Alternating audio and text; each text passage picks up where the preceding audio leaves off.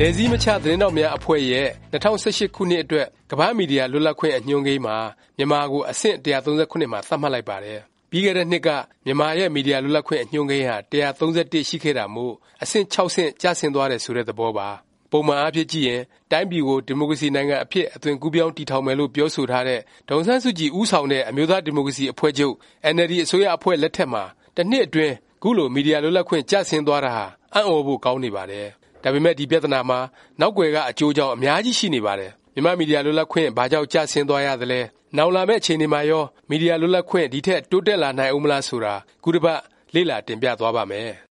RSF ရဲ့ မီဒီယာလွတ်လပ်ခွင့် အညွှန်းကိန်းကို ပြန်ကြည့်ရင် ၂၀၁၅ ခုနှစ် သမ္မတ ဦးသိန်းစိန် အစိုးရလက်ထက်က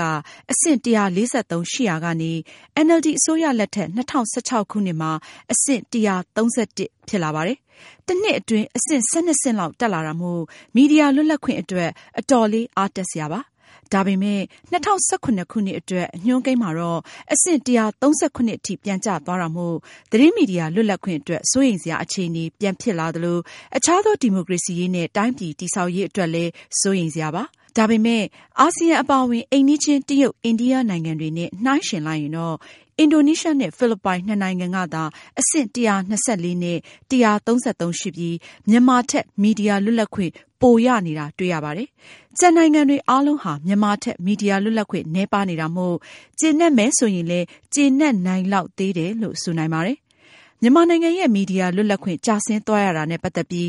RSF ဘက်ကမှတ်ချက်ပေးတာကတော့ရခိုင်ပြည်နယ်မှာအကြမ်းဖက်မှုတွေဖြစ်ပွား၊အဲဒါကိုတပ်မတော်နဲ့လုံခြုံရေးဘက်ကပြန်နှိမ်နင်းပြီးတဲ့နောက်မူဆလင်၆သိန်းကျော်ဘင်္ဂလားဒေ့ရှ်နိုင်ငံဘက်ထွက်ပြေးသွားရတဲ့ကိစ္စ ဘင်္ဂလားဒေ့ရှ်နိုင်ငံဘက် ရောက်သွားတဲ့မူဆလင်တွေရဲ့ စွပ်စွဲချက်မှာ မြန်မာလုံခြုံရေးအဖွဲ့ဝင်တွေရဲ့ လူ့အခွင့်အရေး ချိုးဖေါက်တဲ့ ပြသနာတွေ အများကြီးရှိနေတယ်ဆိုပေမယ့် မှုခင်းဖြစ်ပွားခဲ့တဲ့ အဲဒီ ရခိုင်ပြည်နယ်မြောက်ပိုင်းကို မီဒီယာတွေ လွတ်လွတ်လပ်လပ် သွားရောက် သတင်းရယူခွင့် မရှိတဲ့ကိစ္စ၊သတင်းမီဒီယာသမားတွေကို တပ်မတော်ဘက်က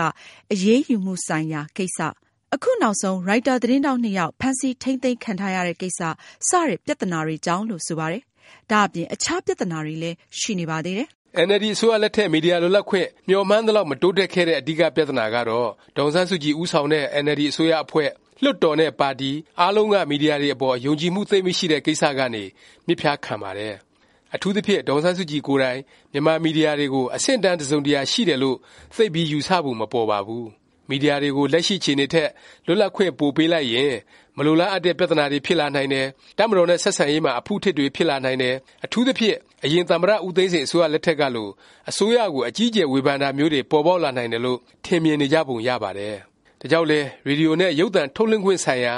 အတည်ပြုပြီးသားဥပဒေဟောင်းကိုအသက်မသွင်းရုံမကပြင်ဆင်ဖို့ဆိုတာကိုလည်းအချိန်ဆွဲထားတာတွေ့နိုင်ပါတယ်။ဒီအတွက်လွတ်လပ်တဲ့ပုဂ္ဂလိကရေဒီယိုနဲ့ရုပ်သံလွှင့်မီဒီယာတွေတည်ထောင်ခွင့်မရသေးတာ ဒီကနေ့အချိန်ထိပါပဲ။အလားတူအရင်သမ္မတဦးသိန်းစိန်အစိုးရလက်ထက်ကတည်းကရေးဆွဲခဲ့တဲ့ Right to Information Law လို့ခေါ်တဲ့သတင်းသိပိုင်ခွင့်ဥပဒေလိုမျိုးဟာလည်းအစိုးရသက်တမ်း၂နှစ်ကျော်လာသည်အထိလွှတ်တော်ထဲရောက်မလာနိုင်သေးပါဘူး။ဒါကြောင့်လည်းအစိုးရဝန်ကြီးဌာနတွေဟာသတင်းတွေကိုထုတ်ပြန်ရင်ထုတ်ပြန်မယ်၊မထုတ်ပြန်ပဲလည်းနေနိုင်တယ်၊မေးမြန်းလာတာတွေကိုလည်းဖြေချင်ရင်ဖြေမယ်၊မဖြေချင်ရင်လည်းရတယ်၊သတင်းထိန်ချန်ထားလို့လည်းဘာပြသနာမှမရှိဆိုတဲ့အခြေအနေမျိုးရှိနေဆဲဖြစ်တာတွေ့နိုင်ပါတယ်။ မီဒီယာလွတ်လပ်ခွင့်ကျဆင်းသွားတယ်ဆီမှာ နောက်ထပ်ပြသနာရှိသူကတော့ တပ်မတော်ဘက်ကပါ။ပုံမှန်အားဖြင့်သတင်းမီဒီယာတွေဟာ တပ်မတော်ဘက်ကသတင်းရယူနိုင်ခြင်းမရှိကြပါဘူး။တပ်မတော်ကာကွယ်ရေးဦးစီးချုပ်ရုံးရဲ့ Facebook စာမျက်နှာမျိုးကနေထုတ်ပြန်ပေးသမျှကိုသုံးရင်သုံး၊မသုံးရင်အခြားအတည်ပြုမေးမြန်းစရာနေရာမရှိနိုင်ပါဘူး။တပ်မတော်ဟာလက်နက်ကိုင်တိုင်းရင်းသားအဖွဲ့တွေဆီသတင်းသွားယူပြီးပြန်လာတဲ့မီဒီယာသမားတွေကိုဖမ်းဆီး၊ရုံးတင်ခဲ့ဖူးသလို သရော်စာဖော်ပြတဲ့ ဂျာနယ်အယ်ဒီတာချုပ်ကိုလည်း ဖမ်းဆီး၊ရုံးတင်တာမျိုး လုပ်ခဲ့ဖူးပါတယ်။အခုနောက်ဆုံး ရိုက်တာ သတင်းထောက်နှစ်ယောက်ကို ဖမ်းဆီး၊ရုံးတင်တာဟာလည်း တပ်မတော် စစ်ဗိုလ်ချုပ်တစ်ယောက် ဦးဆောင်တဲ့ ပြည်ထဲရေးဝန်ကြီးဌာနကပါပဲ။ဒီထက် ပိုဆိုးတာကတော့ ရခိုင်ပြည်နယ်မြောက်ပိုင်းမှာ သတင်းသွားယူရေး ကိစ္စပါ။ နိုင်ငံတကာဝေဖန်ချက်များလွန်းလို့အင်န်အယ်လ်ဒီအစိုးရဟာ အဲဒီဒေသကို သတင်းထောက်တွေ ဘယ်လောက်ခွင့်ပြုလိုသည်ဖြစ်စေ တပ်မတော်နဲ့ လုံခြုံရေးတာဝန်ရှိသူတွေဘက်က သဘောမတူသမျှ ဘယ်နေရာကိုမှ စေလွှတ်ခွင့်မရှိပါဘူး။လက်ရှိ ပြန်ကြားရေးဝန်ကြီးဌာနက စီစဉ်နေတဲ့ သတင်းရယူရေး ခရီးစဉ်အားလုံးဟာ လုံခြုံရေးဆိုင်ရာ တာဝန်ရှိသူတွေရဲ့ ခွင့်ပြုချက်အောက်မှာပဲ သွားလာနေကြရတာမျိုးပါ မီဒီယာလွတ်လပ်ခွင့်နဲ့ ပတ်သက်ရင် နောက်ထပ် ပြသနာရှိနေတာကတော့ အစိုးရရဲ့ ဗျူရိုကရေစီယန္တယားကြီးပါ။ ခေတ်အဆက်ဆက် မတော်မတရားမှုတွေ၊အဂတိလိုက်စားမှုတွေ၊အကျင့်ပျက်ခြစားမှုတွေ၊အရည်အချင်းမဲ့မှုတွေနဲ့ ပြည့်နှက်နေတဲ့ အဲဒီယန္တယားက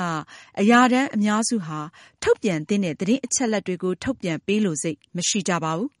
မီဒီယာတွေကို သတင်းပေးလိုစိတ်မရှိကြပါဘူး။သတင်းအချက်အလက်တွေ ထုတ်ပြန်သည်ဖြစ်စေ၊မထုတ်ပြန်သည်ဖြစ်စေ၊သတင်းဌာနတွေရဲ့ မေးမြန်းတာကို ဖြေကြားသည်ဖြစ်စေ၊မဖြေကြားသည်ဖြစ်စေ၊ဥပဒေကြောင်းအရ၊ဝန်ထမ်းစည်းမျဉ်းအရ ဘာမှ ပြသနာမရှိတာမို့ သတင်းအမှောင်ချပြီး နေမြဲနေနိုင်နေကြတာ ဖြစ်ပါတယ်။အားလုံးကို ခြုံငုံသုံးသပ်ကြည့်လိုက်ရင် မီဒီယာလွတ်လပ်ခွင့် တိုးတက်လာဖို့အတွက် တာဝန်အရှိဆုံးဟာ ဒေါ်အောင်ဆန်းစုကြည်၊အင်န်အယ်လ်ဒီ အစိုးရ၊လွှတ်တော်နဲ့ အင်န်အယ်လ်ဒီ ပါတီပဲ ဖြစ်ပါတယ်။ သတင်းမီဒီယာလွတ်လပ်ခွင့်တိုးမြှင့်ပေးလိုက်တာဟာအစိုးရနဲ့လွှတ်တော်ယန္တယားတွေပိုကောင်းလာအောင်ထိန်းကျောင်းပေးတာ၊အရည်အသွေးပိုမြင့်လာအောင်ဝေဖန်မှုပေးတာ